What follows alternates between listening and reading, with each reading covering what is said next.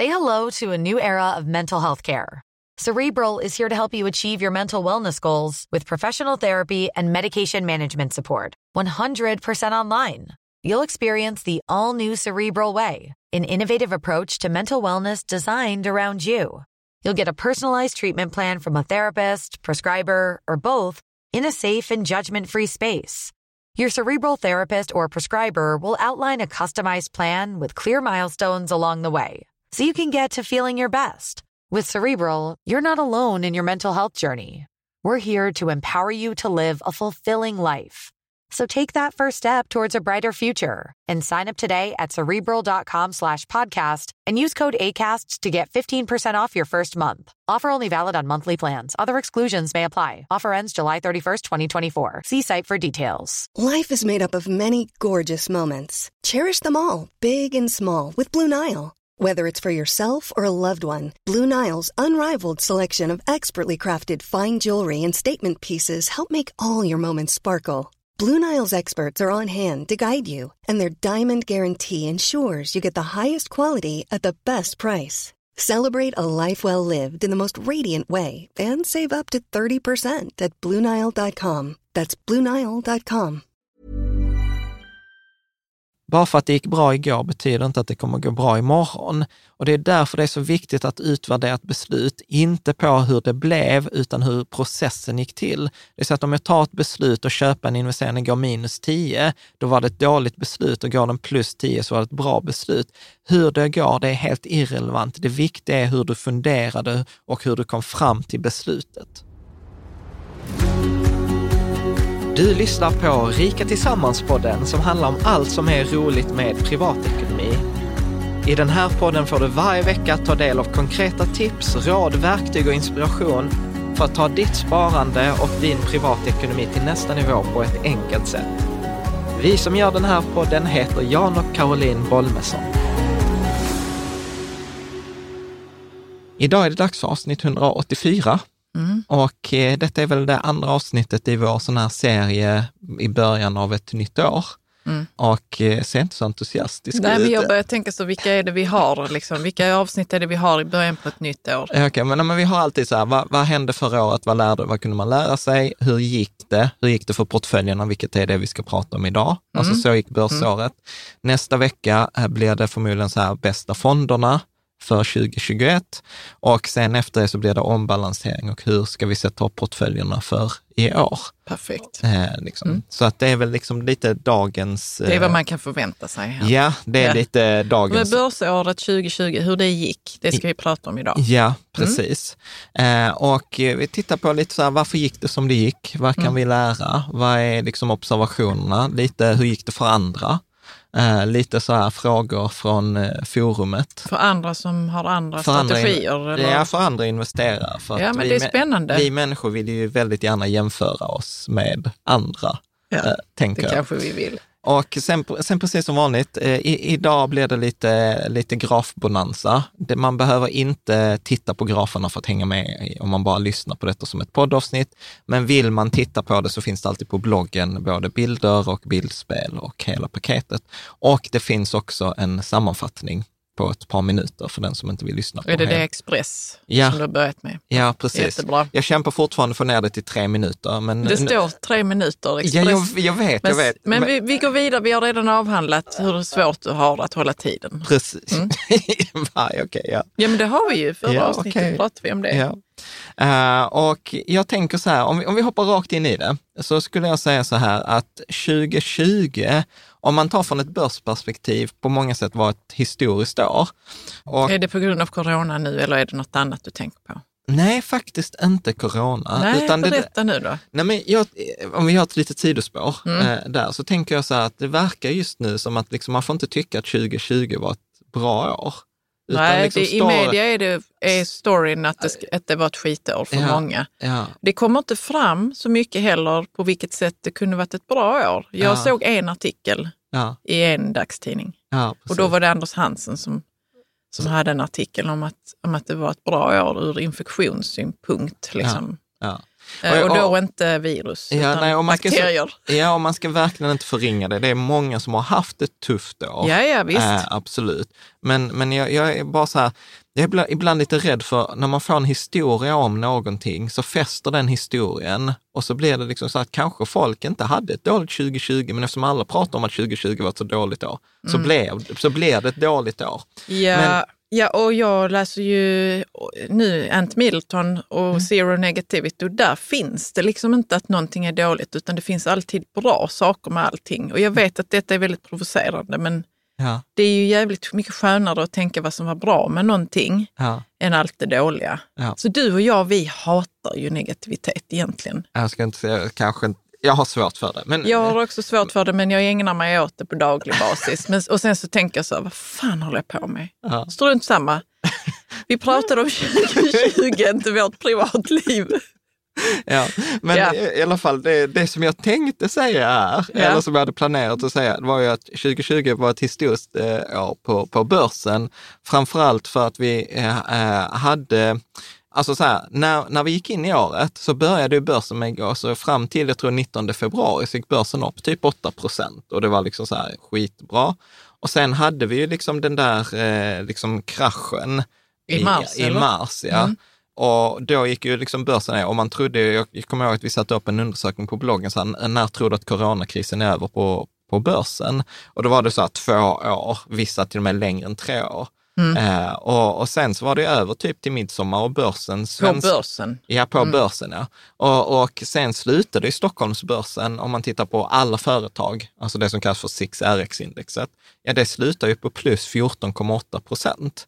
Och tittar man på globala börsen, alltså en global fond, eh, då slutar den på typ 2,3 procent. Mm. Men att, skiljer det sig från andra år? Eh, ja, alltså vi kan titta på, vi kommer titta på hur det är andra, Vi kommer jämföra det. Mm. a- a- andra år. Men no, normalt sett så brukar man ju säga att svenska börsen ska ju sluta med 95 procent sannolikhet mellan typ minus eh, 40 till plus 50. Mm. Så, att, så att den hamnar ju i det där intervallet. Så att, att den slutar på 14 procent är inget ovanligt över, överhuvudtaget. Sen är det ju alltid så att den globala börsen är ju alltid lite lägre risk, lite lägre avkastning. Men vi kommer, vi kommer, prata, vi kommer få dyka ner i, i det där. Men det, det som jag tyckte var liksom lite intressant, eh, om man tittar på den här, det som kallas för en drawdown. Och Ja, är det? Drawdown, då mäter man nedgång. Så man tar en graf typ och så bara kapar man allt, liksom uppgångarna över noll, utan man tittar bara på liksom, vad är den maximala nedgången. Är Mm. du med? Från toppen till botten. Jo, fast du tog, så att man tog bort alla uppgångar över noll. Ja, alltså man, man, man, man tittar egentligen bara, om du tittar på grafen så ser du att vi går från noll och minus. Där finns liksom ingenting i grafen ovanför plus. Nej, nej. Så man vill titta på liksom nedgångarna Mm. specifikt. Så att man kan säga så att det, det är en börsgraf där man bara fokuserar på nedgångarna. Så, Mm. Och det kallas för drawdown, alltså hur långt ner faller en, en graf. Och här kan vi då se att från den 19, eh, 19 februari fram till den 23 mars, då följer den svenska börsen med minus 34 procent. Så det betyder, betyder också att vi har från nedgången har vi ju sett en uppgång på långt över 34 procent. Eftersom vi har ju den där effekten med procenträkning, att om du har 100 kronor och förlorar 50 procent, då räcker det inte att du får plus 50 procent för att vara tillbaka på noll, utan då Nej. behöver du 100 procent. Mm. Eh, tittar man på den globala börsen så föll den minus 30 procent. Mm. Eh, så att återigen ser vi där att den globala börsen är lite jämnare. Den faller inte lika mycket, den går inte lika mycket eh, liksom upp. Så att det, det tyckte jag var lite, eh, lite spännande. Eh, tittar man från, eh, den svenska börsen har ju återhämtat sig Mm. från botten. Det har ju inte, eller från då när, eh, när det föll till nu så ligger fortfarande den globala börsen lite liksom efter. Mm. Och någonting som jag blev väldigt, inte unikt för, eh, för 2020, men som påverkade väldigt mycket. För att vi såg ju så här, svenska börsen gick plus 14,8, men den Mm. globala gick bara typ 2. Ja. Och det beror till stor del på att svenska kronan förstärktes. Mot man, alla andra valutor eller mot... men framförallt dollarn mot, mot dollarn. Eh, så till exempel eh, då om vi tar den eh, 19 mars, då kostade liksom en dollar 10 kronor 35 öre. Medan den 31 december så kostade en dollar 8 kronor och 22 öre. Mm. Och varför detta är, är liksom viktigt är ju för att, eh, eh, för att detta är ju en, vad ska man säga, en nedgång på, på över liksom 12 procent. Du ser så här fundersam ut. Ja, men jag försöker bara fatta detta nu, hur valutan kan hjälpa till med, med den svenska börsen, liksom hur, den, hur den kan hjälpa. Ja, vi kommer, för det är inte så intuitivt för mig nej, faktiskt. nej, men vi, men vi, kom, vi kommer till det. Mm. Vi kommer till det. Men liksom så att egentligen bara, om, om, om än så länge bara acceptera fakta, att liksom, jag tror att TT eller Sydsvenskan hade en artikel att den svenska kronan var den valutan som av typ 36 av de 36 största valutorna i världen, så gick den bäst mot dollarn. Mm. Än med. Ja, det är ju anmärkningsvärt. Ja, så att den liksom stärktes, den stärktes eh, mest. Eller, så, och det, det är detta som är lite så klurigt med, med för man kan, man kan titta på det så att dollarn försvagades Ja, eller att kronan stärktes. Men det är samma sak. Det är samma sak, men hände båda grejerna? Eller? Nej, men det är samma sak. Ja, det är jag inte, först- det, det är inte att det det hände ju- båda grejerna. Båda grejerna hände, ja. Ja, förlåt. Jag gick en badboll här på morgonkvisten. ja. Okej, gå vidare. Ja, så, så den svenska kronan stärktes med nästan då to- to- 12-13 procent. Okej? Och varför detta, detta spelar roll är att om man tittar på världen utifrån ett börsperspektiv, alltså vi tittar på världen inte beroende på hur många människor som bor i olika länder eller på BNP, utan vi tittar på börsvärdet. Och då har vi eh, en, det finns en bild på bloggen då som illustrerar en världskarta i förhållande till börsvärde. Ja. Eh, Och om man tittar på den här världskartan, då ser man att eh, då världen är då 54 procent i USA. Mm. Så- Stackars Kanada, 3 procent där. Ja, Kanada står för 3 procent, alltså den kanadensiska börsen står för 3 procent av världsbörsens Mm. värde. Mm. Då Storbritannien står för 5, Sverige står för 1, eh, Nederländerna står för 1, Danmark står för 1, Kina står för 6 procent, etc. Så varför spelar detta roll? Jo, detta spelar roll för att när vi då köper en globalfond eller en USA-fond så får vi ju tillgångarna i US-dollar. Ja. Är du med? Mm. Och, eh, och köper vi en globalfond, då är alltså varannan krona placerad i USA. Och det betyder att när kronan stärks, så, eller när US-dollarn förlorar i värde, så spelar det ju liksom ingen roll att den amerikanska aktien ökar i värde, för, den, för, för försvagningen i US-dollarn och kronans förstärkning blir ett sänke. Än med att aktien ökar i värde i US-dollar, men eftersom US-dollarn sjunker i värde så får vi inte hela den uppgången. Nej, jag förstår. Och detta är den globala, Ja, så detta är ju en stor anledning. Detta är den stora anledningen till varför globalfonder har så massivt underpresterat mot, eh, mot, den svenska, eh, mot den svenska börsen. För tittar man till exempel på den amerikanska börsen mätt i US-dollar, så har den gått upp plus 17 procent, bättre än den svenska. Ja. Men räknar man om den då från US-dollar till svenska kronor, ja då har den bara gått 2-3 procent. Men man vill ju ändå ha en global fond. Ja, ja, ja. Det vill man, men, men du pratar om att den underpresterar. Ja, i år, I 20, år, va? 20, 20, oh, 2020 har den underpresterat. Mm. Mycket till följd av att, eh, mycket till följd av att den svenska kronan har stärkts så mycket. Andra år så har vi haft motsatt effekt. Alltså när, Okej. kr- när kronan försvagas, då blir det en extra skjuts. Ja, Men då går aktien upp. Så och, vi får både och. Det är inte lönt att, att eh, gråta över detta då. Nej, inte, Nej. inte. Men hur kan det vara så att eh, den amerikanska dollarn har eh, sänkts, eller vad, vad ska man säga? Försvagats. Försvagats i värde. Ja, och där är ju massor av förklaringar. Jag är inte någon expert på sån här makroekonomi, men ofta så ligger det inte i ett lands intresse att ha en stark valuta. Nej, För att om man är till exempel ett exportberoende land så får man ju mer, alltså så här, säl, säljer jag i dollar och jag har en svag valuta så får jag ju fler kronor för varje såld dollar mm. Än med. Och på vice versa så blir det ju så här, nu tjänar ju de svenska företagen tjänar ju mindre i, i, så, i svenska kronor när, om de säljer i dollar. absolut. Så, absolut. så, att, så att det där är liksom en konkurrensfördel för ett land att ha en svag valuta. Det är ju det som... Alltså, Det har vi väl haft ett bra tag. Ja, alltså Sverige har ju varit, till exempel, det var någon som gjorde en jämförelse på Rikets Sammansforumet där de skrev så här, liksom, ja men på typ 80 eller 90-tal, jag har inte kollat upp det här, så nu är det så här tredjepartshistoria. Men att till exempel en schweizerfranc och en svensk krona var lika mycket värda. Idag så kostar en schweizerfranc 9 kronor och en svensk krona liksom en. Mm. En med, så att vi har haft en, en försvagning och det där är ju mycket på 90-talet. Så att Sverige har ju varit lite fult i, i så här globalt sammanhang för att vi har ju devalverat vår krona flera gånger och vi kommer undan med det eftersom vi är en sån liten valuta. Men detta brukar ju kallas för så här beggar thy neighbor. Alltså att, för när, när vi sänker, ja men då vill ju inte danskarna vara sämre, så då sänker de också. Och sänker liksom de och euron sänker, ja då vill ju USA också sänka en med och så blir det liksom en sån här dödsspiral. Ja, det låter som det. Ja. Ja, Eh, ja, okej. Men eh, Så- ja, man, man, det är jätteintressant det här med hur USA, Ja, och, och, eh, och, och valut, USA, valut, dollarn har sänkts. Men det måste Ja. ju bero, som du säger, på jättemånga på saker. jättemånga faktorer. Sen beror det på räntan också. Att, att Sverige har ju liksom ändå haft försökt hålla en bra ränta, så svenska kronan har ju varit stabil på, på det sättet och då drar ju det till sig kapital. Så att, alltså den som får problem av det här är ju Stefan Ingves och Riksbanken. Mm. Liksom. Så att, Varför får de problem? För, återigen, för att det, det blir ett sänke på den svenska ekonomin att ha en för stark krona. Ja, ja okej, förlåt mig. Jag bara tänkte att om det, ja, jag tänkte fel. Vadå? Jag Säg. tänkte tvärtom.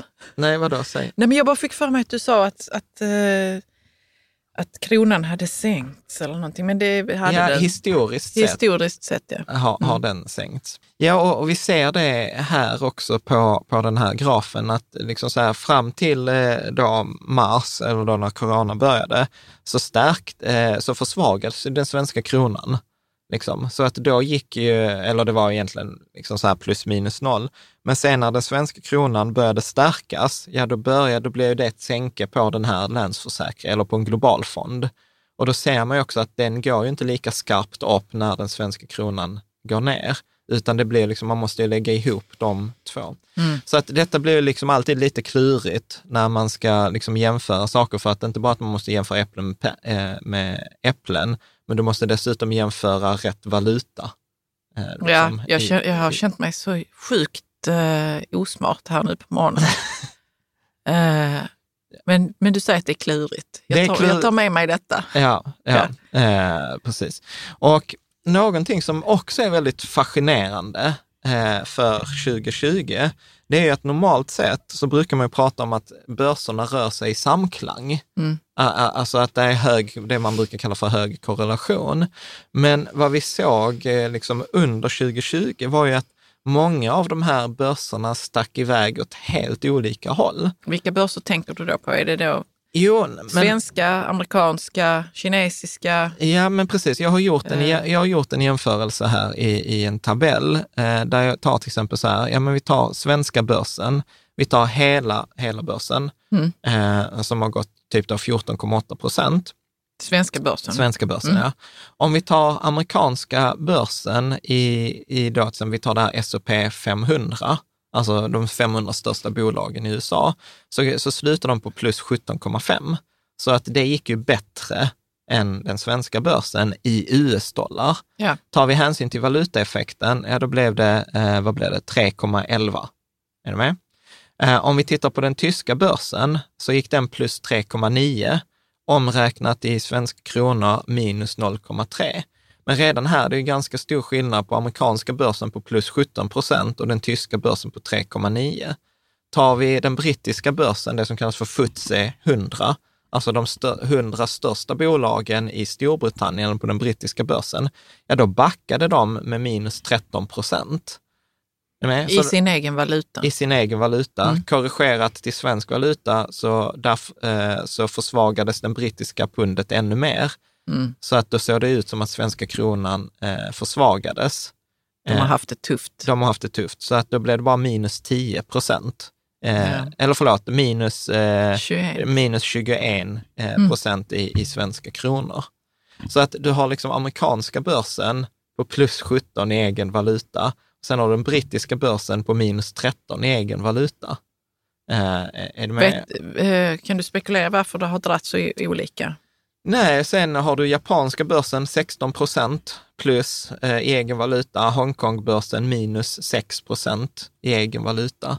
Så att detta visar, jag påstår att detta visar hur vanskligt det är att försöka ha en åsikt om liksom, vilken börs man ska placera på. För, för där är ju liksom så här, den svenska börsen hade kunnat gå sluta på ett helt annat sätt än vad den gjorde. Mm. Ja, jag, jag, jag vet inte vad jag ska säga nästan. För det är ju, Nej, men jag, jag tror... Jag, jag vet inte man ska, hur man ska tolka de här siffrorna.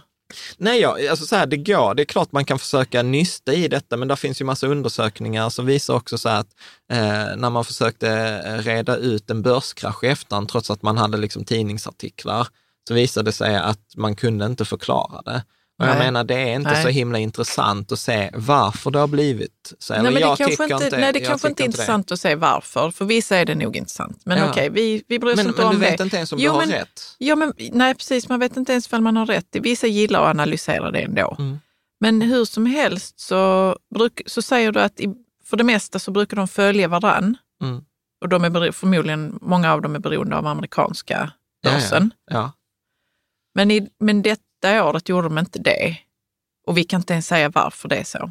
Nej, nej, nej jag, alltså så här, det är klart att det finns folk som har åsikter om varför det har gått. Och, Men det är ingen som kan- vet egentligen. Nej, jag skulle Nej. säga det. Nej. Och, och, och, detta, och för, så här, för mig blir ju detta ett sätt varför det är så viktigt att köpa alla aktier. Men för du vet inte på förhand om brittiska börsen kommer gå upp eller ner, eller om den amerikanska börsen kommer gå upp eller ner.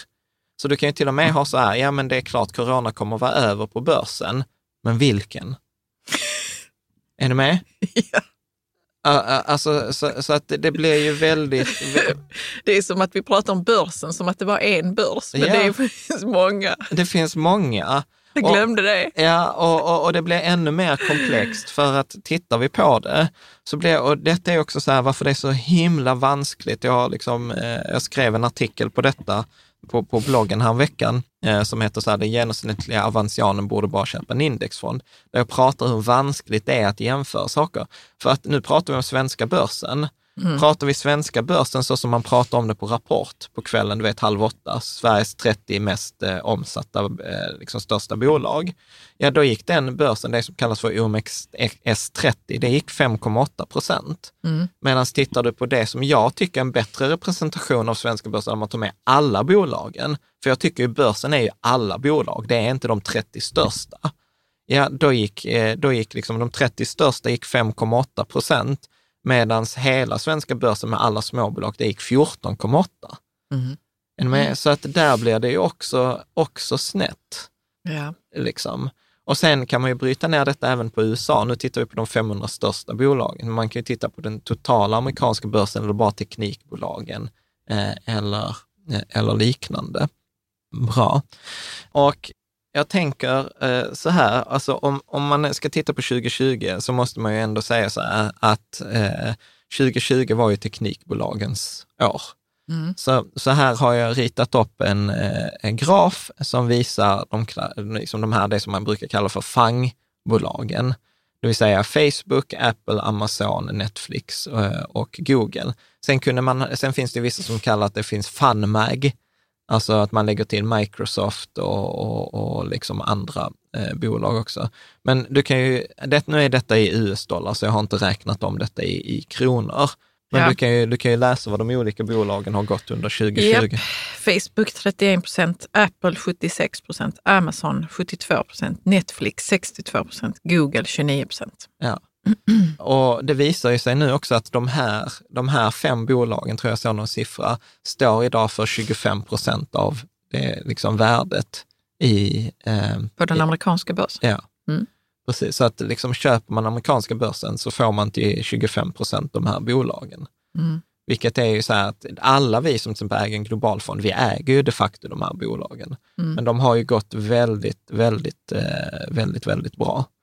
Så jag vet inte om det är så mycket mer att, att Nej, säga. egentligen inte. Vi kommer inte kunna spekulera varför heller. Eller? Ja, Jag, känner motstånd mot att spekulera i det. För, så, för det blir lätt att man liksom tar det som media säger, att Netflix går bra därför att folk sitter hemma. Det är inte sant kanske. Eller hur? Ja, Det, behöver inte vara sant. det behöver inte vara sant. Nej. Nej. Eh, liksom. men, men det blir ju också en, en spekulation. Alltså så här, om vi tar nästa, nästa bild som är egentligen så här... ex- Det är egentligen slöseri på tid Ja, när man spekulerar. ja. Men man kan ju säga så här, att det fanns ju en annan aktie som du ser här, när vi lägger Är in det, den. är det nu Teslan? Ja, det var att jag tänkte att du skulle få gissa vilken aktie det var. Alltså det var ingen svår gissning. Ja, eh, så att man kan ju säga så här att... Eh, Varför har den då gått så bra? Ja, vad har Hur, det, vad har den gått? Plus 750 procent. ja, det, det är ju... Det är ju Ja, det är perverst. Det är sjukt. Jag tror Tesla i dagsläget, jag tror att Niklas Andersson på Twitter, investeraren, tweetade ut att Tesla är nu värt 62 procent av den svenska börsen. Så om... Men ni- kan det vara det verkligen? Ja! Så att det betyder att du hade kunnat köpa, för Tesla är lika mycket värt som 60 procent av alla svenska bolag. Så du kan liksom så här köpa ut 60 Ja, procent av svenska börsen. Nej, men alltså den har, ju, den, har ju, den har ju ökat brutalt mycket. Jag tror att det är sjätte största bolaget på den amerikanska börsen nu, efter de här Facebook, eh, Amazon, Alltså Apple. är, nu måste jag säga att det är sjukt eh, frestande att spekulera i varför.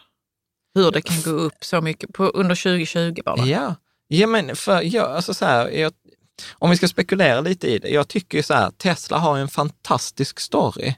Alltså Ja, berättelsen, de om, berättelsen om Tesla är magisk. Mm. Och, och det där är någonting jag har funderat rätt mycket på på sistone. Vi har en diskussion på Rikets Sammansforumet om bitcoin nu. Så här, finns det något värde i bitcoin egentligen? Och så är det massor av mycket, mycket duktiga människor än jag som liksom argumenterar. Så att jag har, liksom så här, jag har plockat fram popcornen och liksom bara följer tråden. Mm. Och någonting som jag tror är liksom så här att man underskattar storyn om bitcoin eller storyn om Tesla. Liksom. Och, vad gör en storyn om- story med människor? De, man vill chippa in i den, man vill vara en del man av vill den vara en storyn och del och handlar man, man, fattar, och man, Mm. fattar, man fattar den. Och du vet, det har ju framkommit eh, liksom massor av nu artiklar som amerikansk media. Jag följer liksom amerikansk finansmedia. Du vet, där är artikel efter artikel. Du vet så här, han sålde allt och la alla sina börsplaceringar i Tesla och nu är han liksom mångmiljonär. Han började med 20 000 dollar, nu har han två Ja, det hade miljoner lika gärna dollar. kunnat gå helt åt andra hållet. Men jag ja. tänker på vad, vad är storyn om Tesla? Ja, men att de revolutionerar världen. De, eh, liksom, de har Elon ja, det, Musk. Elon Musk är ju väldigt intimt kopplat till Tesla och att han Ja, köpte, och att Tes- det är miljö, köpte in sig på. Tesla och han gjorde ditt och datt med det för att Ja. det liksom Ja, revolutionera Ja. bilmarknaden och så. Och sen är det också det att det är många som är kritiska mot Tesla och sen så får de på huvudet eh, av Tesla för att Tesla lyckas nå sina uppsatta mål som ingen Ja, trodde på. Vi älskar en underdog som lyckas. Ja. Och, liksom, och där finns en tydlig, liksom, det, du som gillar stories, så är det ju en tydlig... Gillar jag? Ja. Gillar? Ja, men där är, Det är där, typ nästan mitt jobb. ja, Ja. Men där är ju en tydlig skurk i bilindustrin Japp. och fossilindustrin och Tesla får vara hjälten i, i den här. Liksom. Du, vet, du du har ju alla komponenter för en bra story. Mm. Och, sen, och vi andra som är så här, nej men alltså hallå, du vet Tesla är nu större än typ än alla andra biltillverkare tillsammans. Är detta rimligt? Alltså så här, kejsaren är naken. Ja, du vet, så försöker vi blanka det och så får vi stryk. Liksom. ja, för det är inte rimligt nej, Nej. att den har gått upp Nej, men så finns, mycket. ja, Mm. ja, eller rimligt, så, så kan man inte heller säga så här, där, där finns ett väldigt Men de gör viktigt... inte att- så många bilar, Jan, heller. Så Nej, att det men- skulle liksom vara, vara rimligt på det sättet Ja, att ja, den blir störst i världen i form av hur många bilar ja. som Tesla spottar ut. Det gör de Ja. inte heller. Alltså liksom. jag, jag, är alltid försiktig med att säga att det är huruvida det är rimligt eller inte, för att vi har ju liksom ett bevis här som kallas för verkligheten. ja. Och, och jag är så här, don't argue with reality. Men, men det är ändå intressant och problemet som jag ser, som vi kommer att prata om också lite mer, det är ju att detta kan ju leda till en massa felaktiga insikter eller lärdomar. Att man tycker Mm. så här, nej men jag sätter allt, titta det gick ju bra här. Så att vi, vi ska, det är någonting Ja, vi ska... jag håller med dig, det ska man ju inte göra. Man ska ska, inte sätta alla sina pengar i och, sen, och sen är också problemet blir också så här, när, när ska du hoppa av? Är du med? mm. Alltså så här, det smarta här hade ju varit att hoppa av och så ta hem pengarna. Så bara så här, jag hade en fantastisk resa. Men jag tror att har man liksom väl det receptet att man spekulerar på den här, alltså man slutar ju inte spekulera. Man tar ju aldrig hem den där vinsten. Alltså jag, är ju, jag har ju mina Tesla-aktier för storyn. Ja, Så att jag kommer ju inte sälja dem, Nej. även om det går ner. Så Nej. kommer jag ju vara trogen Tesla. Ja, ja men precis. Och det är det, det jag menar som blir liksom farligt, för då realiserar du aldrig, du har gjort sju och en halv gånger pengarna liksom, under de här, liksom det här förra Mm. Det här året. året, ja, jag har ju haft mycket längre än så. Ja, precis. Så du har gjort sju och en halv gånger pengarna. Men du har ju inte realiserat den vinsten. Mm. Men jag, jag tänkte på det, om jag skulle sälja mina Tesla-aktier, då skulle jag ju realisera min vinst Ja. naturligtvis. Ja, Men jag vill ju ha dem. ja. Det är ju eh, ja precis. Då är det del av min eh, identitet. så då måste jag, se, om jag säljer dem nu så måste jag vänta tills de har gått ner. ja, som Och inte tänk vet. om inte det händer. Ja, precis. precis. Ja, men det, är ju det, det blir ju detta som blir problematiken. Ju. Mm. Så att, eh, och det finns ju sådana aktier som motsvarar på svenska börsen eh, också. Bra, jag tänker eh, att nu går vi vidare faktiskt. Eh, tittar vi på eh, guld, eh, så gick guldet eh, gick ju bra, går ju bra i oroliga tider. Mm. Men här eh, har... Vad betyder det nu att det har gått bra? Då? Det har gått upp Det har mycket gått upp. eller? Det har gått upp. Mm. Alltså tittar vi på guldet i US-dollar så plus 25 procent. Tittar vi i svenska kronor så plus 10 procent. Så att eh, det gick ju liksom... Men är, vad- hur tittar du när, du när du får fram de här siffrorna? För det finns ju så många olika sätt att, att ehm, investera i guld. ja, är men, det, det liksom, nej, men om här, man köper fysiskt guld eller om Mm. man köper någon guld? Nej, utan, från, eller- utan här har jag utgått från den här som heter ex, eh, liksom, eh, spotpriset har jag faktiskt utgått från i denna grafen. När jag visar den. Eh, sen sen hur, hur man köper guld, det kommer i den här bästa fonderna, men där Mm. finns ju en guldfond då, som heter Extra Gold, som jag är förtjust i. Och jag gillar ju, liksom, vi såg ju att initialt nästan alltid vad som händer, det är ju också att, att guldet faller ju också i värde direkt i kraschen. Men guldet har en mycket snabbare återhämtning och det ser man ju också här på, på grafen. Så jag gillar ju att ha guld i portföljerna. Hade man guld i sin portfölj under 2020 så bidrog den positivt. Mm. Så att det var liksom en, en, en, bra, en bra grej. Eh, om vi tittar på, på nästa graf som jag tycker är intressant, det är att jämföra Lysa med Länsförsäkringar Global. För att vi Mm. brukar ju prata om att, eh, att vår så här go-to-investering är ju då en fondrobot, som vi pratade om mycket om i förra avsnittet. Eh, och här har jag då överlagt då Lysa versus Länsförsäkringar Global. Så att jag jämför äpplen med äpplen. Ja. Nu, är ju, nu är det ju inte exakt samma sak eftersom till exempel Lysa, om man då har 100 procent aktier i Lysa så får man en större exponering mot Sverige än vad man får i Länsförsäkringar etc. Eh, Och då kan man säga att Lysa, om man hade då 100 procent i aktier i Lysa under 2020, då blev det 2,97 procent, alltså ungefär 3 procent upp. Hade man Länsförsäkringar global så var det 2,35 procent. Eh, Så att liksom det här att, eh, liksom en, att, som jag brukar säga, att en fondrobot är de facto en global fond, ja det ser vi ju väldigt tydligt här. De är nästan identiska. De här är nästan identiska, Mm. ja. Och, och här, här tror jag att liksom det blev ett positivt bidrag för Lysa att man hade de svenska aktierna. Eh, Så att jag tror att det är en del av eh, förklaringen. Mm. Så att eh, liksom så här, vår tes eller sånt, den håller ju. Och det, det ser man här i... Vilken är tesen? Nej, men att, att till exempel att, att ha en fondrobot är en bra lösning. Det är ju som att köpa en global fond. Okej. Ehm, Mm. ehm, och sådant. Ja. Tittar vi på eh, våra portföljer så tycker jag ändå det är de modellportföljerna som vi gör. Att Om man säger så att man inte kan köra eller vill köra en fondrobot, så är detta de modellportföljerna som vi har kört sedan 2000, ja olika, 2014 började vi med den första. Ja, de är tre. De är tre, ja. Mm. Eh, och Riket Tillsammans-portföljen, eh, då som är 25 procent guld, 25 procent aktier, 25 procent kontanter, 25 procent långa räntor. Den gick ju fantastiskt bra eh, under 2020. Den mår ju bra i oroliga tider. Den slutade på 7 procent, 6,9. Mm. Det såg ut som du skulle säga. Nej, jag tänkte, var det den som kallas allvädersportföljen? Eller? Ja, Mm. precis. Syftet med den portföljen är att den alltid ska gå plus. Eh, liksom. Det Så att- känns som det klarar det detta året. Ja, men den har ju gjort sitt. Alltså, vi har haft den sedan 2014 eh, och eh, jag upplever så här att den funkar ju förvånansvärt bra. Alltså, eh, Så man tror ju inte det när man hör vad som är i den. 25 procent kontanter, Ja. liksom.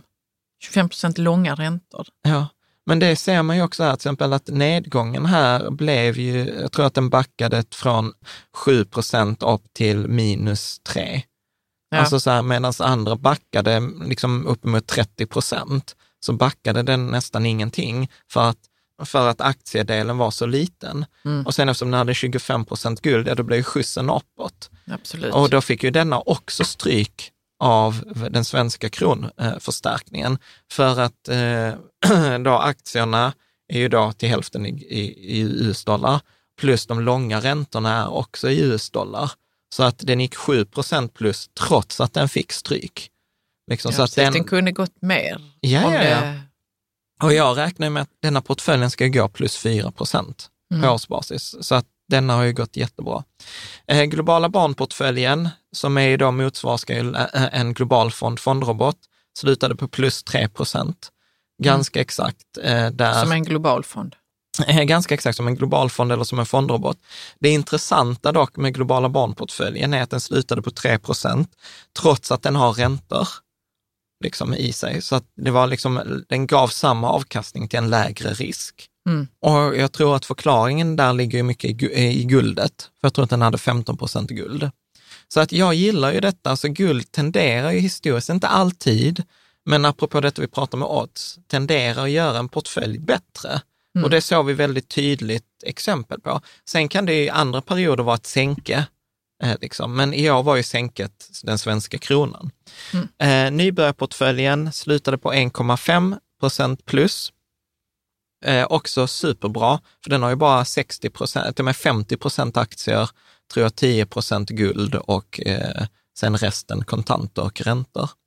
Eh, det som var årets misslyckande, det var ju den här försiktiga portföljen som vi lanserade förra året, som skulle vara i Ja, ja. räntor. Mm. Jag Vad tror- hur klarar den sig? Ja, det är dåligt, eh, minus 2 procent. Mm. Eh, så alltså i det stora hela 2 procent, ja det är ju inte supermycket, men för den typen av portfölj så är det mycket.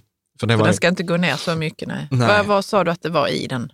eh, det var ju typ 80 procent räntor och 20 procent aktier. Den känns ju otroligt osexig, den försiktiga portföljen. Ja, ja, vi får se om den överlever detta året. Men, eh, 2021 får den på sig att, vi får, vi får, att vi göra får, någonting. Ja, vi får se. Men problemet där var ju de svenska räntefonderna. Eh, Där, eh, vi, vi behöver inte återupprepa det, men debaclet med Spiltan räntefond. Som, Mm. som, Gjorde det verkligen så mycket? Ja, Mm. det var ju typ stor del av den portföljen, jag tror halva portföljen då i den fonden. Eh, Så att det var KES, Eh, men det är också det vi pratar om, att den stora utmaningen nu är ju att varför ska jag ha en räntefond och, och få ta en risk för att få 0,5 till 1 procent när jag kan sätta pengarna på ett bankkonto och få 1 procent utan risk? Mm. Det, det är ju liksom det som är problemet. Ja. Men annars, jag alltså så här, supernöjd. Alltså jag, är, jag, jag är alltid så här lite rädd för Rika Tillsammans-portföljen, men den, den levererar. Sen ska jag Verkligen. också säga så här, Rika Tillsammans-portföljen, vi kommer prata om det när vi pratar om det i nästa eh, avsnitt, eh, då om bästa fonderna och sen om portföljerna. Det är inte som att Riket Tillsammans-portföljen är någon magisk kula att alla ska sätta sina pengar i Riket Tillsammans-portföljen. Tvärtom. Riket Tillsammans-portföljen är en mellanrisk, mellanavkastning-portfölj. Den hade ett bra år förra året på grund av omständigheterna, men sparar man långsiktigt så ska man inte ha Riket Tillsammans-portföljen. Då ska man ha en högre exponering mot aktier. Så att bara så att det är tydligt. Och det är inte heller som att så här, oh, du vet så här, kör en fondrobot, men har du kört en fondrobot nu, då är du loser, då ska du byta till Rika Tillsammans-portfölj. Absolut inte. Rika Tillsammans-portfölj, det är en, det är en nischportfölj. Men vad ska, Liksom. när ska man ha den då? Jag skulle väl egentligen säga att när man, har, när man är i stay rich-fasen, tror jag att det är en väldigt bra portfölj. När man alltså har när man, när man har tjänat de pengarna man behöver tjäna och ska parkera pengarna och vill ha en avkastning på 3-4 procent om året. Mm, absolut, jag kan se varför. Ja, Mm. eh, för att den är, den är stabil. Liksom. Eh, Ja, man har tillgång, man är likvid. ja. ja, du har ju liksom 50 procent är ju räntefonder, det är bara 25 procent aktier. Så detta är inte en portfölj att ha ett pensionssparande, det är inte en portfölj att ha ett barnsparande etc. Så att också, och vi sa inte det i början, men liksom så här disclaimer, detta är ju inte en personlig rådgivning och där finns risker. Bara för att det har gått så här så betyder inte att det kommer gå så i framtiden. Mm. Men vi kommer prata mer om det. Liksom, jag ska vara så här, gör inga förändringar de kommande två veckorna. Vi kommer att prata mycket om det i portföljerna eh, om två veckor. Sedan så har jag bara liksom visat lite hur portföljen har gått sedan start. Eh, Nybörjarportföljen. Ja, så ny, det intressanta med nybörjarportföljen är att vi började med den 2015, så vi har sex års historik. Man kan följa denna portföljen på Shareville. 6,6 eh, procent om året har den har gjort, vilket är över förväntan på grund av att det är 60 procent eh, aktier. Har som mest backat 19,7 eh, procent. Mm. Eh, liksom. eh, sen har vi globala barnportföljen. Den har gjort 9,5 procent sedan start 2017, tror jag, eller 16 vi började med den. Denna har ju mer aktier, så den har ju gått med 26 procent, har den backat som max. Men genomsnittlig avkastning 9, 9 procent. Men vänta här nu, vad står det här? Sedan start plus 43,8. Ja, precis, men det är inte så intressant. Utan det jo, men sedan start, alltså. När jag, jag började tänk, portföljen. Jag tänker ju alltid så, om jag har mina pengar någonstans så har jag dem länge. Ja. Så om man började när och, vi skrev om denna första artikeln då, ja. Om man då satte, om vi man, säger att man har pengar då? 100 kronor. Jag tror vi började när jag släppte boken Gör ditt barn rikt. Så detta är från eh, 1 januari 2017. Så mm. det är bara tre år. Det är bara tre år, men då ja. har den sedan start gått plus 43,8. Ja, men återigen, det är inte det intressanta, utan det intressanta är årsavkastningen. Tycker jag. För då kan man jämföra, du kan inte, vad ska du jämföra 43 procent med? Då ska du jämföra med det, något som också började 1 januari 2017. Ja, men jag kanske inte jämför det med någonting. Jag kanske bara vill ha en, jo, en avkastning. Du, jo, jag fattar det, men du måste alltid ha en referensram. En Varför med, måste man det? Ja, men annars är det ju som att säga så här, 223 kilometer i timmen. Mm, det är ju skitsnabbt. För ett flygplan. Kolla här, det är ju så banken gör. Ja, men vi ska inte prata om det. Men ett flygplan på 223 kilometer i timmen kommer krascha. Mm. Är du med? Mm. Nicht so gut. Ja. Jag bara skojar lite med dig. Nej, det gjorde du inte. Jo, det gjorde jag faktiskt. Halvvägs in i diskussionen förstod jag din poäng, men sen så skulle jag hålla fast vid.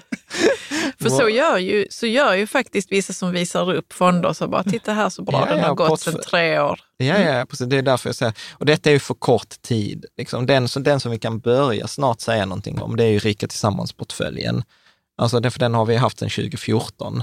Eh, den hur lång tid ska gå tycker du för att man ska kunna säga något om en Egentligen, alltså nu har jag inte... Tio år eller? Nej, men nu är jag så här, jag är ju inte statistiker, men när vi pratade med Paolo Sodini mm. i det här avsnittet, jag är en vandrande räntefond, då sa han så här 3000 års historik för att kunna säga något med statistisk signifikans. Så att då, då är det så här, vilken tidsperiod du än väljer så är den helt orelevant eller irrelevant. Mm. Medan när vi pratar om till exempel Morningstar, ja då är ju fem år är ju wow, det är ju lång historik. Mm. Så att eh, de, för, liksom så att eh, det är ju vanskligt. Det är ju vanskligt. Men jag tycker ju så här jämförelsen, när jag startade Rikt Sammansportföljen så sa jag så här 4 procent om året. Den har gjort 8. Mm. Så att det har liksom gått, gått bra. Yeah. Bra. Så att, eh, sen har jag bara gjort en sammanställning här. Okej, okay, så Länsförsäkringar, Global indexnära som är vår favoritfond, 2,35. Eh, Stockholmsbörsen 14,8 och sen så Lysa eh, då har gått 2,98 och Lysa Hållbar har faktiskt gjort 3,9. Så, okay, så här gör du en jämförelse mellan våra våra portföljer, portföljer. Och... Det, detta, är, detta är inte så mycket en jämförelse, detta är ju det jag brukar prata om. Jag brukar alltid prata om Lysa och jag pratar om våra portföljer. Så här är då en sammanställning.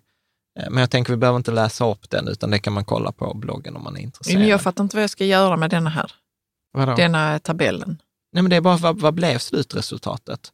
Så om du satte 100 kronor i Lysa hållbar aktier, ja då hade du 103 kronor 90 öre i slutet av december. Så detta är ju liksom hur det gick 2020. Mm. Okej. Okay.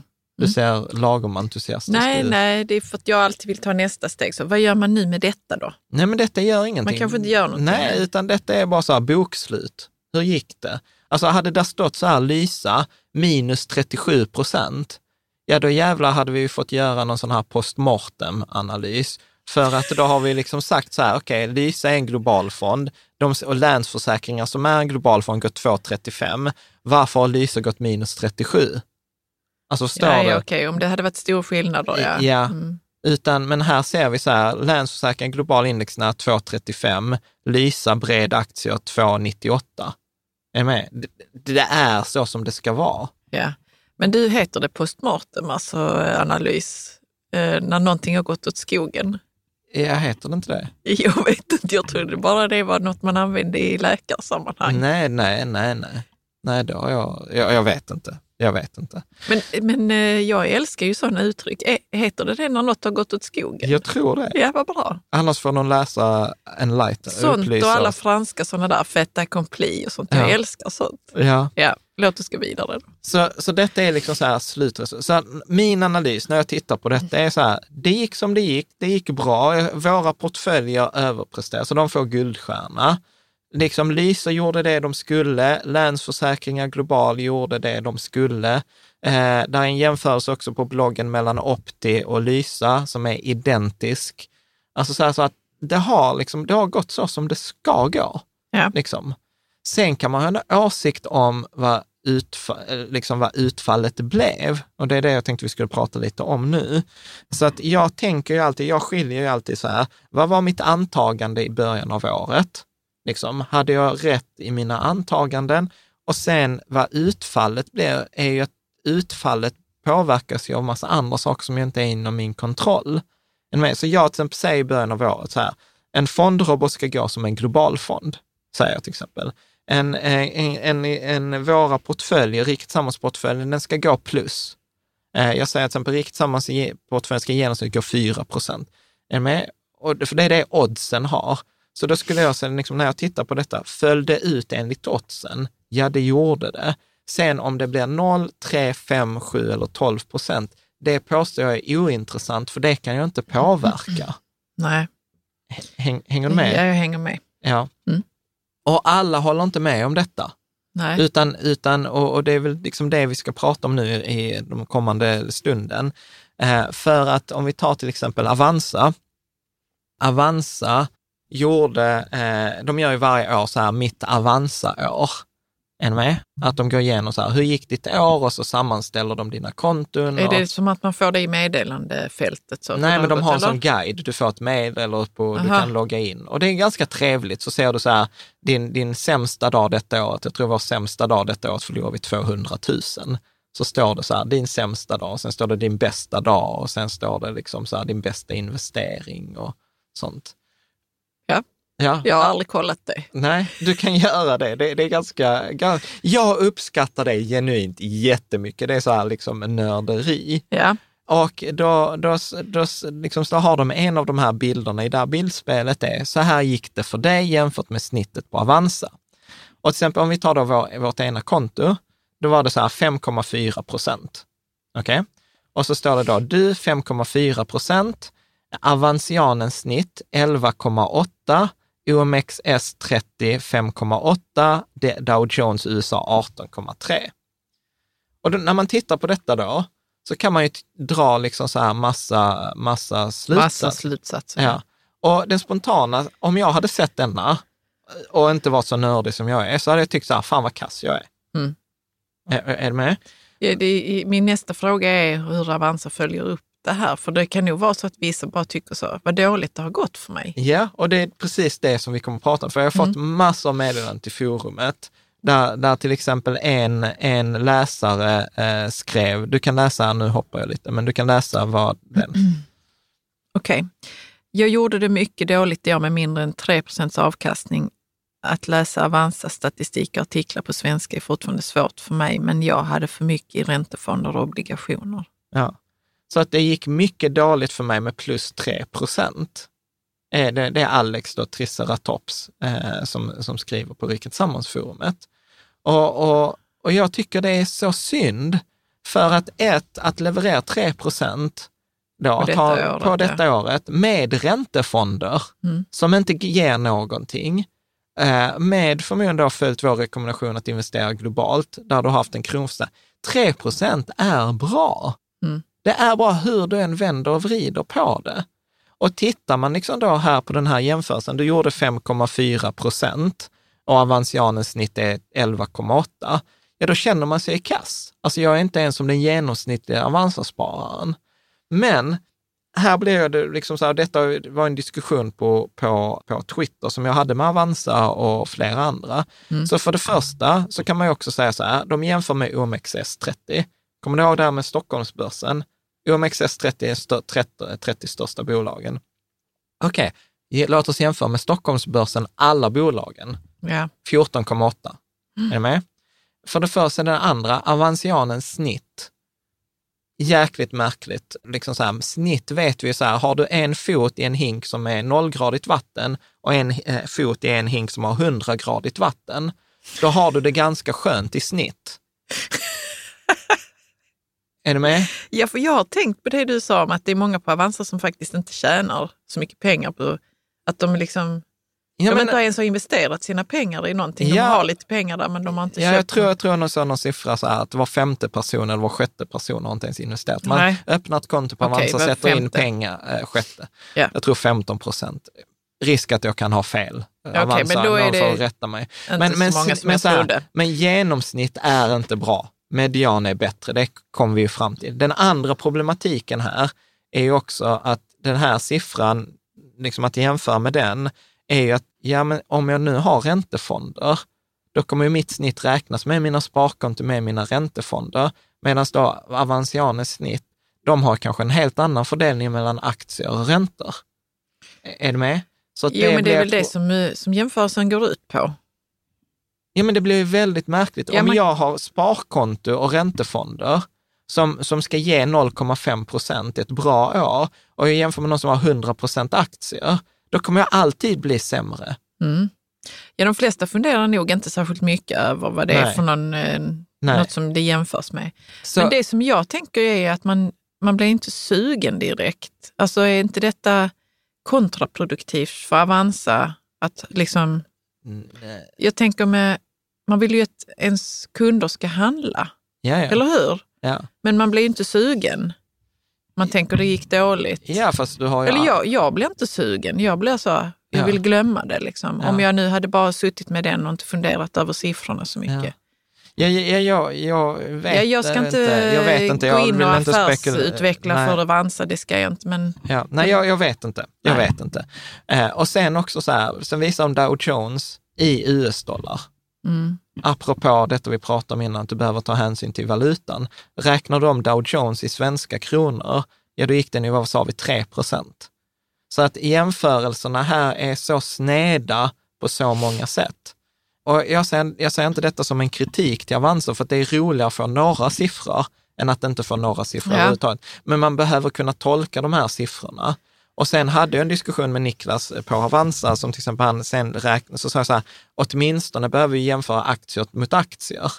Eh, och då kommer vi fram till att då var snittet 20 procent, men medianen var 12.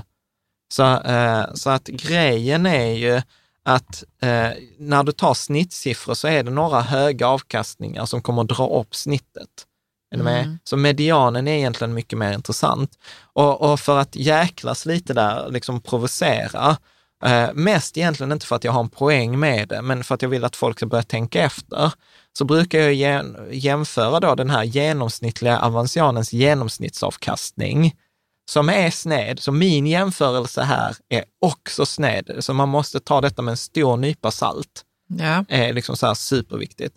Men om vi tittar sen 2008 när Avanza började publicera de här siffrorna, så 10 av 12 år har Stockholmsbörsen, då 6RX, då det här alla bolagen, som man kan köpa som en fond. Man kan köpa den, nu finns det en fond som heter SEB Hållbar Sverige Index, eh, eller eh, plus alla bolag Sverige. Så den genomsnittliga Avanzianen hade 10 av 12 år fått en bättre avkastning genom att bara ha den här indexfonden. Mm. Är du med? Jämför man, och sen var det någon, Erik tror jag, som skrev på bloggen, för jag har en artikel där jag bryter ner detta verkligen i detalj, som heter så här, genomsnittliga Avanzianen borde bara köpa en indexfond. Mm. Där, och jämför vi med globala börsen, kommer ni ihåg globala börsen, lägre avkastning, lägre risk, ja. har fortfarande gått bättre 8 av 12 år. Och då har jag inte ens tagit riskjusterad avkastning, jag har inte tagit hänsyn till det här med räntor och att man kan ha olika fördelning. Men, men det är ändå lite intressant. Så att, eh, och detta var också lite kul, för då skrev jag så här, liksom den genomsnittliga avansianen borde bara köpa en indexfond. Och då fick jag faktiskt en ganska kul kommentar på, på Facebook från Emanuel Tamelin, som du, denna måste du ju läsa. Tror inte att detta stämmer. 100 procent av alla jag känner påstår sig slå index. Ja. Och, och detta, är, detta tycker jag är, du, du ser så fundersam ut. Ja, men jag är fortfarande kvar i det, hur Avanza kan, kan, kan ge sådana siffror som, som Men jag inte vet tänker- vad jag ska göra med. Liksom. Ja, men det är väl... Ja, men du och jag, vi är ju för folkbildning liksom, Ja. i ekonomi. Ja. Och där känner jag att det är... Alltså, vet, jag blir så förvirrad av hur de har tänkt. Jag är fortfarande kvar i det, förlåt mig Jan. Okej. Nej, men, Med, med de där siffrorna man får. Vad, vad ska, fan ska jag göra med dem? Liksom? Vad har ni tänkt att jag ska göra med dem? Ska jag, sitta, jag sitter ju inte och gottar mig. Just det, jag tror Alltså, att det jag blir- kommer ju också ha, ha skitsiffror förmodligen. Nej, du har Tesla. Ja, men Alltså, för vet du vad, vi måste dra jag är en fram del den. av vi måste eh, dra fram, alla de eh, som har dratt upp snittet. ja, Ja. mina Ja. två Tesla-aktier. Ja, men blir det inte också ganska Jo, men det blev helt snett. Jan. Alltså jag, bara, jag känner mig nedstämd över, över att man... Jag, jag ska inte sitta här och, Men blir tycka att Avanza gör något Men, dåligt. men om, men, Du, om du loggar in på ditt konto, ja, jag blir alltid nedstämd när jag är där inne på. Avanza. Nej, men jag tänker ju så här, Caroline, att det, det, det är ju rätt. Alltså, frågan är vad man får ut av det när man ser siffrorna. Mm. Alltså det, antingen så blir det ju så att man känner så här, fan vad grym jag är, och så drar man massa felaktiga slutsatser för det. Eller så känner man, fan vad dålig jag är, och så drar man massa felaktiga slutsatser. Från Ja, för jag känner att jag blev förvånad när, när du sa att du tyckte det var roligt att få de här siffrorna. Ja, men för att jag agerar inte på dem. Nej, men ja. Det skulle vara roligt att veta vad Avanza tänkte när de sa så. Vi ger, dem, vi ger alla våra Nej, men, eh, folk som, är- som har aktier och i tillgångar hos oss siffror i slutet på året. ja, men jag tycker det är Så är jättebra. att jag, jag tycker inte man ska göra någonting utan att veta så vad kommer hända sen. Liksom. Och hur tar vi hand om det som kommer sen efter det? ja. Liksom. Nej, men jag tror så här, ge siffran, om jag skulle säga ett, ett, ett förbättringsförslag, ge siffran, men ge inte liksom jämförelsen. Eller ge en relevant jämförelse som är baserad på, det, på den investering som man har haft. Mm. Men det blir ju liksom klurigt för dem att göra. Alltså att har jag haft 50 procent aktier och 50 procent räntor, ja då ska jag ha jämförelse med 50 procent aktier och 50 procent ränta. Så ha, en, ha ett relevant jämförelseindex, Mm. tänker jag. Mm. Eh, liksom. Men i, i alla fall, för, för, var, varför jag tycker egentligen detta är viktigt, Ja. är ju för att, lite som jag skämtade där, han Emanuel, han skriver så här, jag tror inte på det du skriver, 100 procent av alla jag känner påstår sig slå index. Ja. För att eh, vad, vad som händer nu, detta kommer kanske bara göra dig ännu mer förbannad. Nej, nej, det Men- kanske inte. Men då är det ju så att Avanza då har ju gjort en hashtag som heter då mitt Avanza-år, där folk publicerar då skärmklipp på den här sidan hur mycket avkastning de har fått. Med? Och jag roade mig att eh, den 4 januari klockan 14.30 så gick jag igenom hela den här mitt Avanza-år på Twitter och så räknade jag ut genomsnitts och medianavkastningen på de som hade postat Okej. där. Mm. Och jag tycker det är lite roligt, för genomsnittsavkastningen var då 66 procent och medianavkastningen var 40,2 eh, procent. Och, och, och detta blir ju liksom så himla typiskt. Detta är ungefär som liksom så här, sociala medier i andra sammanhang, du vet när man pratar om att ja, men alla är bara så smala och alla har så lyckliga äktenskap och alla är så vältränade och de bara sitter och dricker paraplydrinkar. Detta är ju liksom motsvarigheten inom finans. Tänker jag, för, och det är, ju Och det är ju bara vissa som publicerar det dessutom. Ja, det är klart att det bara är vissa är- som publicerar. Har du plus 50 så publicerar du, har du minus 50 så publicerar du inte. Nej. Och, och, och detta kommer ju liksom egentligen så som man pratar om välmående. Det är jävligt svårt att följa då finanstwitter här och må bra med sin egen avkastning. Ja. Vad- Nej, jag blir inte arg, jag blir bara sorgsen över, Alltså berätta. över sån här Instagram, eh, smal och snygg fond. Liksom. Ja, Nej, ja. Så, så, att detta det är så, så, det, så detta är ju liksom motsvarigheten liksom Mm. på Twitter. Men jag tänker ju så här, här är liksom min, min, po, eh, eh, min poäng till det här är att vad man, vad man måste, måste hålla i åtanke när man tittar på det här, det är ju någonting som Abraham Wald beskrev under andra världskriget. Och eh, Abraham Wald, känner du till Abraham Wald? Alltså jag har ju läst någon mattebok eh, där matematiker har, har eh, de, hur, man, hur man använder matematik i vardagen och Ja. hur den har använts tidigare. Jag misstänker att jag förstår vad detta kommer att handla Ja. om. Du har ett, ett andra världskriget krigsplan här Jag har en bild där, på... du, där man kan se var det har blivit skjutet någonstans. Va? Exakt, så att Mm. vad som hände var ju att man ville ju göra, förbättra planen under andra världskriget, de liksom bombplanen som flög över Tyskland. Det är de brittiska de det här. brittiska, brittiska eller amerikan, jag vet inte om man var amerikan eller britt, det vet jag faktiskt inte. Men i alla fall, då gjorde man en schematisk bild på ett, strid, på ett sånt här bombflygplan och sen så satte man in, liksom, så gjorde man liksom markeringar överallt var de här planen hade blivit träffade. De som kom tillbaka. De som kom tillbaka, ja. Mm. Och så såg man så här, shit, titta, de har blivit sönderskjutna på vingarna, i mitten och eh, liksom i, i slut, eh, liksom på stjärtfenorna. Eh, och så ville man liksom förstärka dem. De För det, partierna, ja. De partierna, för det är där planen blir träffade som mest. Mm. Vilket är ju ganska logiskt.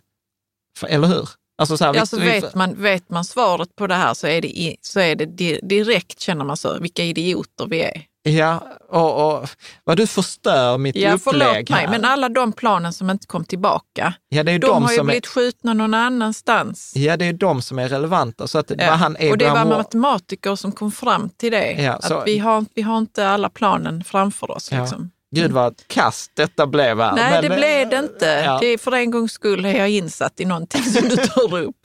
Nu känner jag mig bushaka smart igen. Ja. Okej, Nej. nej men så alla Så- planer så- som inte kom tillbaka, det är de som är intresserade. Ja, så tvärtom var det ju så här att när de tittade på den här bilden, de hade gjort alla kryssen, så var det ju det som var intressant, var ju där kryssen inte var. Mm. För det är uppenbarligen där de har blivit träffade, de andra planen, och Så inte det här är kommit så tillbaka. briljant. Jag, jag läste inte hela den matteboken, detta var i början. Och det är så briljant för detta kan man använda i alla områden Ja, i livet. Ja, Det här, vad är det jag inte ser? ja. Och detta kallas ju då för survivorship bias. Mm. Vad vi ser på Twitter är ju de som har överlevt. Mm. Vi ser inte det som man brukar kalla för den här tysta vittnenas kyrkogård. Vi ser inte alla de som har satsat på en aktie och där det har gått åt helvete. Vilket är mer sannolikt att det händer än att det inte händer. Så att, och tittar man på, vissa publicerar ju till och med vilka aktier de har. Och då har de haft liksom så här, nästan hela portföljen i en aktie. För man kan nämligen se, vissa har publicerat så här, vad är totalsumman i portföljen och vad har värdeökningen varit under året? Och då ser man så här, ja men denna aktien är förmodligen mer än 50 procent av deras portfölj. Och har 50 procent av sitt värde i en enda aktie, det är dumt hur man än vänder och vrider eh, på det, förutom om man då lyckas. Är, är, är, är du med? Men då har man ju liksom så här oddsen, eh, oddsen Man har emot. haft tur liksom. Ja. Så att jag brukar, liksom så här, det jag säger är så här, grattis till dig som har lyckats. Men är det ett genuint grattis Ja, men det eller är... det är- lite passivt aggressivt? Nej, Jan? men det är ju, varför ska jag, återigen, varför ska jag bråka med verkligheten? Och, och liksom det är väl, har, har de lyckats, så grattis! Mm. Liksom. Eh, och, sen, och sen hålla väl medveten om att det finns ju detta då som heter survivorship bias. Och, och här kan vi göra då ett återkoppling till, till avsnitt 123, tror jag att det är, där vi pratar om Morningstar och antalet stjärnor. Där man gjort mycket studier. Det är svårt att göra studier på småsparare, men det är ganska enkelt att göra studier på fonder. Och en fond är ju de facto en professionell småsparare. Alltså det är det man placerar i aktier, man har en portfölj, men man måste rapportera och man kan inte fuska med siffrorna och man kan inte bara skita i att inte lägga upp bilden på Twitter, utan man måste rapportera även de åren det har gått dåligt. Mm. Är du med? Och, och då, då kan man eh, läsa till exempel en slutsats, du kan läsa den första där. Ja, en slutsats här. Of, fund, of funds with a five star rating three years later, only 14% had performed at the five star level. Mm. Översätter vi det så 86 procent av alla femstjärniga fonder blir av med sin femte stjärna över en tioårsperiod. Det vill säga till och med fem, de säger till och med fem, eh, tre år senare, så har bara de som är bäst i år, tre år senare är det bara 14 procent av dem som är kvar i toppen. Och jag skulle bli högst, högst, högst förvånad om ens de som publicerar på Twitter, om 14 procent av dem är kvar om tre år och har samma portfölj. Är ni med? Ja. Det, och, och här kan man också säga, du vet, alltså, det, och det, det är därför jag vill liksom inte framstå att eh, liksom detta, som du var inne på, att man är bitter eller inte, utan jag vill bara peka på liksom den andra sidan av det här myntet. Har du, har du liksom 10 000 apor som ska singla slant, är ni med? Och de singlar slant, så ja, så eh, första gången kommer att ha krona, då kan vi sortera bort 5 000 av dem. En gång till 2 500, en gång till 1250, en gång till 625, en gång till 300, 160, 80, 40. Liksom så här. Du vet, du kommer ha en apa som är grym på att singla krona. Mm. Är du med? Du vet, så här, den här apan har singlat krona 15 gånger i rad. Vad tror du den liksom 16 singlingen kommer att bli? Du vet, så här, du vet, han har någonting med handen så att du vet, när, han, när han singlar den här kronan, så du vet, det blir alltid krona. Mm. Men, men grejen är, det, vi har inte sett de andra liksom, 9800 aporna som har försvunnit längs vägen. Nej, men jag tycker det är sjukt hoppingivande med det här ehm, att, att man inte har fått se hela bilden, för då är svaret annorlunda. Ja, det är klart det är. Det är jag tycker det är fint ja. att det finns ett, mer, ett annorlunda svar än att någon är bättre än mig. Är du med? ja. Sen finns det människor som är bättre än dig. Absolut, men, de det är ju gäller inte så himla många Nej. och de kanske jobbar heltid med...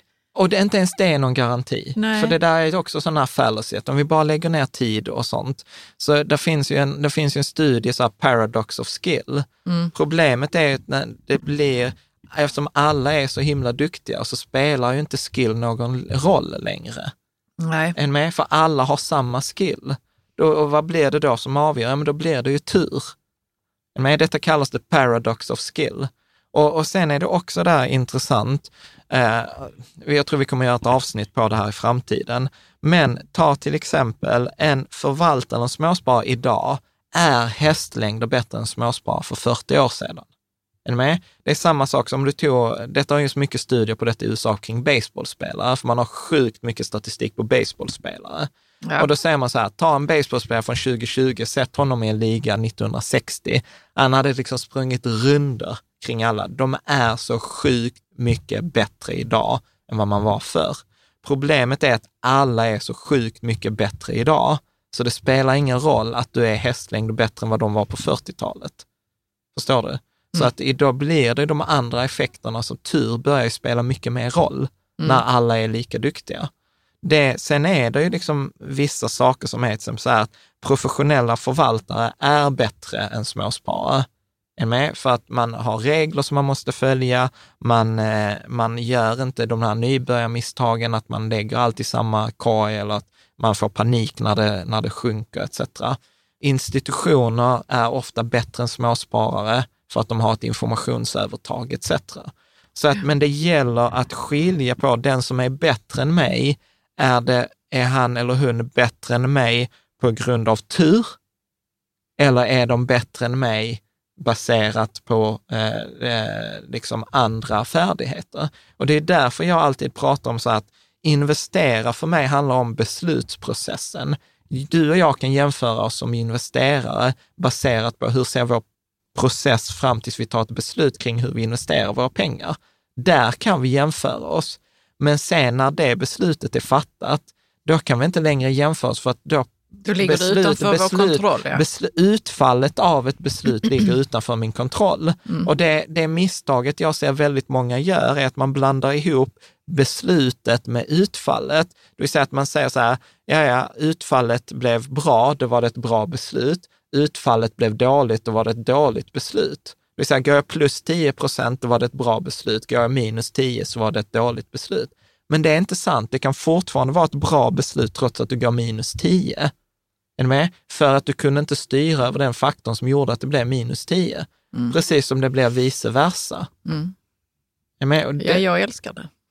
Ja, och det gör att man, att man har helt andra förutsättningar egentligen för att ta, alltså att, eller vad ska man säga? Det känns inte så fruktansvärt eh, personberoende. Nej. Vad det är som händer Nej. i och med Så att det- jag har där- det- haft en plan och sen Ja. gått enligt den planen. Ja. Alltså jag tror det är många som tar på sig det som att Ja. jag är en dålig investerare. ja, men det var så här, det var för det, att det har gått dåligt en gång eller för Ja, att någonting inte gick som det skulle en gång. ja, och sen tris- så kanske man ger upp. ja, som triceratops. Mm. Är ni med? Och det, detta är så katastrof. Liksom för, för att då, då har man till exempel lyssnat på, på, på mig eller på någon annan som har en gedigen beslutsprocess.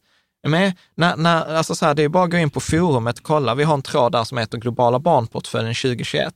Vi har, vi har snart, tror jag, 80 inlägg, 100 inlägg på, där vi diskuterar för att komma fram till en portfölj på tre fonder. Mm. En med, vi, efter 80 inlägg så kommer vi fram till att en portfölj, en bra enkel portfölj består av typ 80 procent Länsförsäkringar Global, 10 procent eh, tillväxtmarknadsfond, 10 procent Sverigefond. 80 inlägg för att komma fram till det. Ni Med? Vissa skulle ju tycka att det var för nördigt eller att ni inte har något bättre för er etc. Men, Ja, ni men det har ju var- tagit, det har ju varit en, vad är det som har var, tagits 80 inlägg?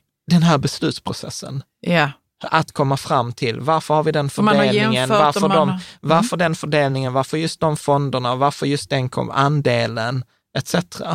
En gedigen beslutsprocess, välja den portföljen kommer ge bäst odds enligt den tillgängliga forskning som finns. Mm. Är ni med? Mm. Någon som väljer den portföljen eh, då, och så får man 3% avkastning. Mm. Och så, så går man in på Twitter och så ser man folk har 40% avkastning. Så det värsta som kan hända det är att man överger sin process och så väljer man den där liksom eh, Nasdaq-fonden eller eh, liksom eh, ny teknik eller Tesla eller någonting. Och sen så förlorar man pengar och sen slutar man spara, jag får ingenting funka. för ingenting funkar. Mm. Och, och, och, och ofta då, liksom när man pratar med många så blir det så här, varför valde du den? Ja, för den har gått upp. Men det är ju ren slump, Mm. liksom, skulle jag säga. Och sen kommer folk protestera, så, nej men det är inte en slump. Titta här, liksom så här, teknikaktier. Ja, teknikaktier har gått upp de senaste tio åren. Jag tror att de har gjort 600 procent versus breda börsen på 300 procent de senaste tio åren. Absolut. Men låt oss titta på en annan tioårsperiod. Tittar du på tioårsperioden istället för att titta 2010 till 2020, titta på perioden 2000, alltså 2000 till 2009, då har eh, de backat 45 procent och eh, den breda börsen gick minus 10. Mm. Är du med? Så, så att eh, där är inte, det går inte att förutsäga vad som kommer att gå bra nästa år eller inte. På, på det sättet. Och sen det andra som jag också liksom stör mig lite på, det är alltså Nordnet Smart är ett exempel, fantastiskt exempel. Jag vet inte om vi tog upp detta i förra avsnittet, så du får rätta Jag känner igen Nordnet Smart. Ja, det var ju så här, det var ju det som Nordnet satsade jättemycket marknadsföring på. Detta var smarta portföljer. Mm. Eh, och vad som hände där var att de skulle ju anpassa sig. När marknaden faller så ska de övervikta till liksom säkra tillgångar så du alltid hade konstant risk. Det var liksom det som var Nordnet Smart. Nu hade, utifrån den strategin, så hade Nordnet Smart otur förra året, för det gick ner brant. Och när det hade gått ner brant så identifierade då strategin så hade det gått ner, nord, det har gått ner brant. Vi måste skifta över till räntor. Och vad som hände sen var att marknaden gick brant upp och då satt man kvar med räntorna. Så du hade tappat i fallet och du missade uppgången. Ja. Är ni med? Katastrof, liksom. På, på det sättet fick jättemycket skit i Dagens Industri, fick mycket skit internt, som man mer eller mindre verkar lägga ner den här produkten. Men tänk om detta hade hänt istället. Coronakrisen, m- 19 februari till 23 mars, det faller 30 procent. Och sen hade det fallit ytterligare 20 procent. Mm. Vad Då hade, hade hänt? de suttit med... Du vet, så Det här, hade det, bra enda vi hade hört Smart. talas om är Nordnet Smart. Mm. Är ni med? Vi, vi hade liksom, de hade öst in marknadsföringspengar i det. Nu så blev de så här, de blev så här, de dog. Mm. Och vi kommer inte höra talas om Nordnet Smart liksom igen. Så, och, och det är detta som blir så, detta frustrerar ju mig. Att, eh, och, och liksom det är samma problem för Lysa och Opti och alla de andra fondrobotarna.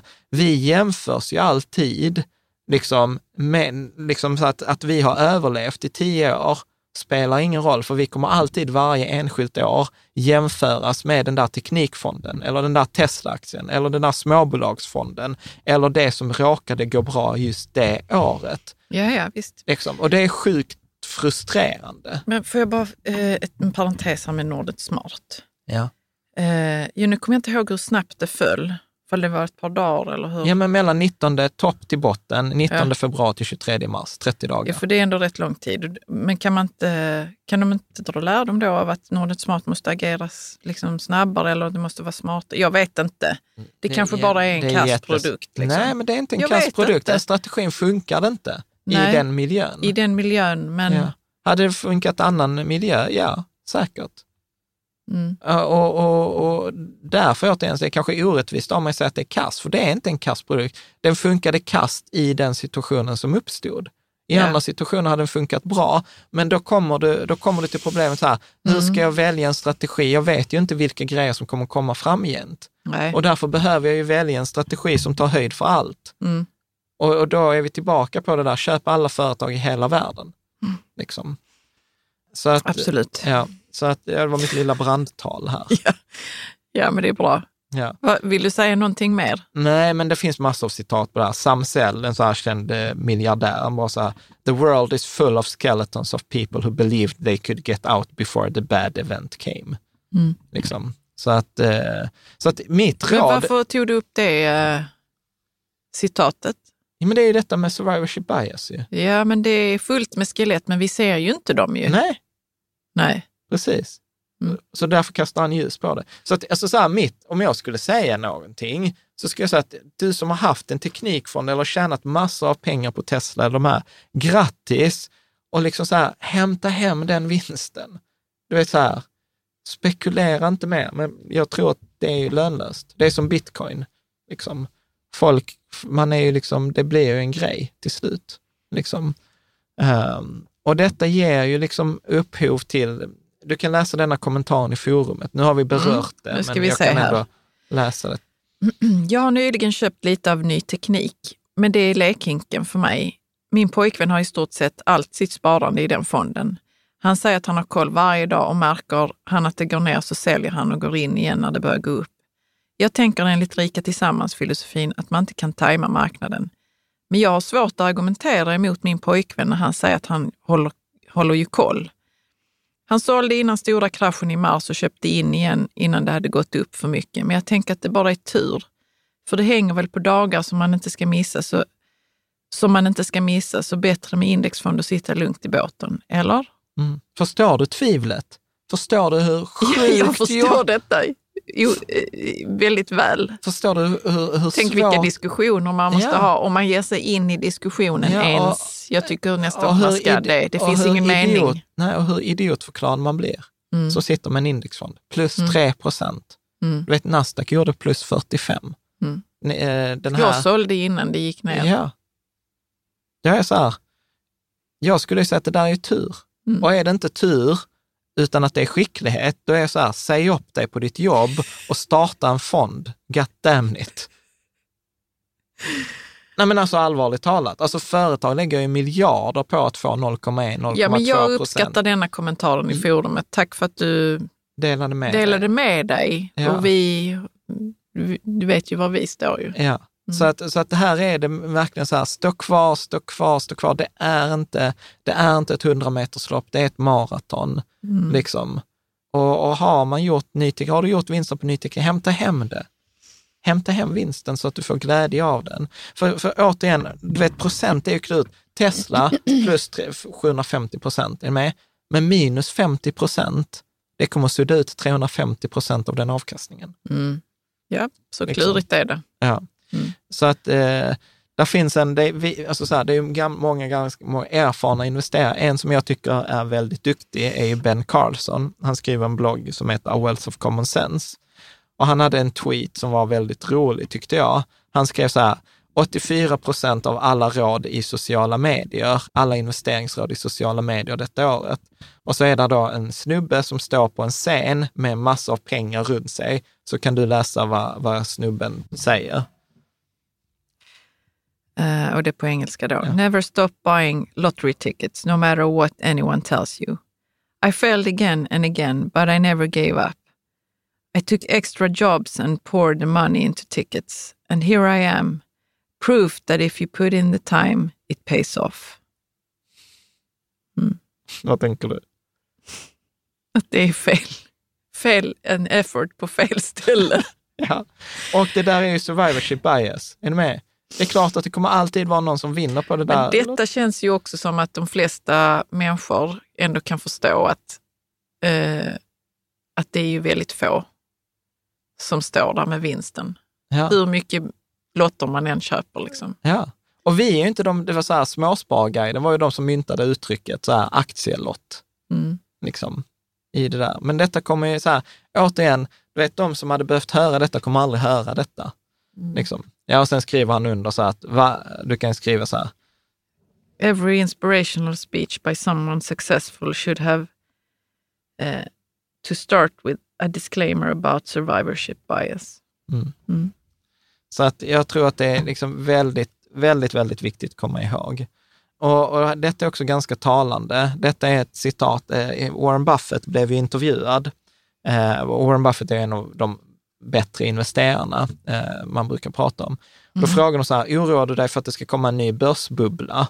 Liksom. Ska, du, ska jag läsa eller du? Då svarade han, well, there will be one sometime. People start being interested in something because it's going up, not because they understand it or anything else.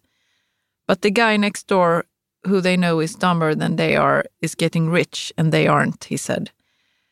And their spouse is saying, uh, can't you figure it out too? It's so contagious, so that it's permanent part of the system. Mm. Man ser att de som är dummare än jag blir rikare. Ja, när grannen som man upplever är dummare än en själv blir rikare. Ja, det är man- fruktansvärt. Jag tycker det är fruktansvärt och jag blir så förbannad över att detta händer. Nej, Ja, att de, de dummare människorna blir mer framgångsrika. Men, då, men jag är 43 år gammal och jag har lärt mig att man kan, det är bara, denna mä- människan har bara haft tur. Lyssna inte mer. Lyssna inte mer. Ja. Varken om det går bra eller dåligt för den människan. Ja. För jag, jag, då kommer jag ju känna så eh, skadeglädje när det väl går dåligt och det vill jag heller inte utsätta mig för. Nej. Nej. Nej. Så tricket är så här, att återigen, att investera för mig, ett bättre sätt att investera än att mäta på avkastning är att mäta beslutsprocessen. Mm. Lyssna hur då det här går till. Och sen så tror jag att mycket att det handlar om att ställa sig de här frågorna, liksom ställa sig frågorna själv eh, eller till den andra. Så här, vad är strategin? Liksom så här, vad är tesen som den här investeringsstrategin bygger på? Liksom så här, vad, vad, vad, vad är den teoretiska förklaringen till att detta funkar? Mm. Och, och sen stöds den här tesen av historisk data. Funkar den på andra börser? Funkar den för andra bolag? Eller var det verkligen bara så att detta var liksom tur? Och sen, hur vet jag att det här kommer funka i framtiden? Och då är det många som tänker så här liksom, liksom felaktigt. Så här, "Ja, men om jag bara köper det som har gått bra så kommer det fortsätta gå bra. Ja, det stämmer i en viss utsträckning, men tittar man på långa studier som Morningstar har gjort, återigen, bara 14 procent av de fonderna som var bäst i år kommer vara bäst om tre år. Mm. Det, det säger ju ändå något att man borde ifrågasätta då den här tesen som man har kring sin egen investeringsstrategi. Så att liksom så här, vad är strategin? Vad är tesen som strategin bygger på? Stöds tesen av historisk data? Stöds den på andra marknader, på andra företag, på andra tillgångsslag? Och hur vet jag att detta kommer funka i framtiden? Det är sjukt bra frågor att ställa sig. Och sen som vi var inne på, saker som har funkat i kanske denna tidsperioden, titta i andra tidsperioder, funkar det då? Och då kommer vi fram till exempel, ja, men ny teknik, det är inte säkert att det kommer funka. Det finns andra branscher, till exempel oljebranschen för hundra år sedan, jättestor. Eller liksom så, här, så att man har sett detta uppgång och, och liksom fall. Mm. Men ju ska vi tillägga att du, du glädjer dig att de som har Ja, men jag gjort säger, bra pengar på Ja, teknikfonder och nej, jag bara tänker att du, du är faktiskt genuint glad för de som har gjort pengar på ny teknik. ja absolut. Det är bara det där att man, man Men jag inte ska här, liksom jag har- stirra sig blind på att det är bara det som gäller nu, det är inget annat. Ja, liksom. men jag är så här, du hade dåliga, du hade liksom dåliga odds, du vann på Mm. de oddsen, du har tjänat massor av pengar, grattis. hämta hem de pengarna så du får njuta av dem. För så länge de inte är realiserade så är de inte realiserade. Nej. Så, så, att jag menar att då, då, är det ju så här, grattis, du, du fick en bra, ett bra skutt och du kanske har lagt basen för en framtida förmögenhet. Hämta hem de pengarna, lägg dem då i en indexfond eller lägg dem i det som ger bäst odds. Så att du inte blir ett av de där ske skeletten i, i garderoben. Utan att, Skeletten, skelett i garderoben är något annat, men de okay. där ja, tysta skeletten, vitt, som, tysta de tysta vittnenas vittnenas kyrkogård. Ja. Liksom. Mm. Och, och vill, vill man liksom spekulera, gör det på ett ansvarigt sätt. Gör det i en Som i lekhink. Att, att säga så här, nej men okej, så här, 80 procent av mitt kapital investerar jag så som jag får bäst odds på. Och sen har jag kanske 10-20 procent av mitt kapital där jag spekulerar. Där jag kan ta de här riskerna, där det inte gör så mycket om det går back 50 procent. Mm. Eh, att liksom lägga, att ett ansvarigt sätt är till exempel att max 1-5 procent i en enskild investering. Undantaget fonder, för att en fond blir ju liksom, den sprider det i många andra investeringar. Så, så, att, nej men, så att genuint så kommer jag från en omtanke i, i, i, i det där, Mm. tänker jag. Så att, eh, och sen så kommer jag också mycket från det som jag egentligen brinner mest för. Det är ju alla de som liksom investerar och som Alex då, eller som den här eh, tjejen. Ja, som har gjort det som, ganska som bra. gör rätt, Ja. men där, som inte har blivit belönad för att göra rätt detta året. Mm. Och, och då gäller det liksom att ha tryggheten i att nej, men detta är det som forskningen visar. Detta är det som ger bäst odds långsiktigt. Detta är det som kommer göra att jag liksom kommer vara i toppen på maratonloppet. Att jag inte är en av dem som kommer liksom så här öppna starkt och liksom, liksom eh, ex, explodera. Mm. För, för att väldigt många exploderar liksom på, på det. Så att eh, har du köpt Tesla-aktier och tjänat massor pengar, köp en Tesla. Då har du åtminstone en bil som du inte kommer att bli av med. Alltså förstår du vad, vad, vad jag menar? Ja, ja, visst. Bra. Mm. Det var väl egentligen det som jag tänkte att vi skulle prata om i dagens avsnitt. Ja. Det någonting, vad tar du med dig? Att det blev lite annorlunda än jag hade trott kanske. Det här, hur har 2020 gått? Vi pratade absolut eh, om, våra, om våra eh, portföljer och så som jag hade trott.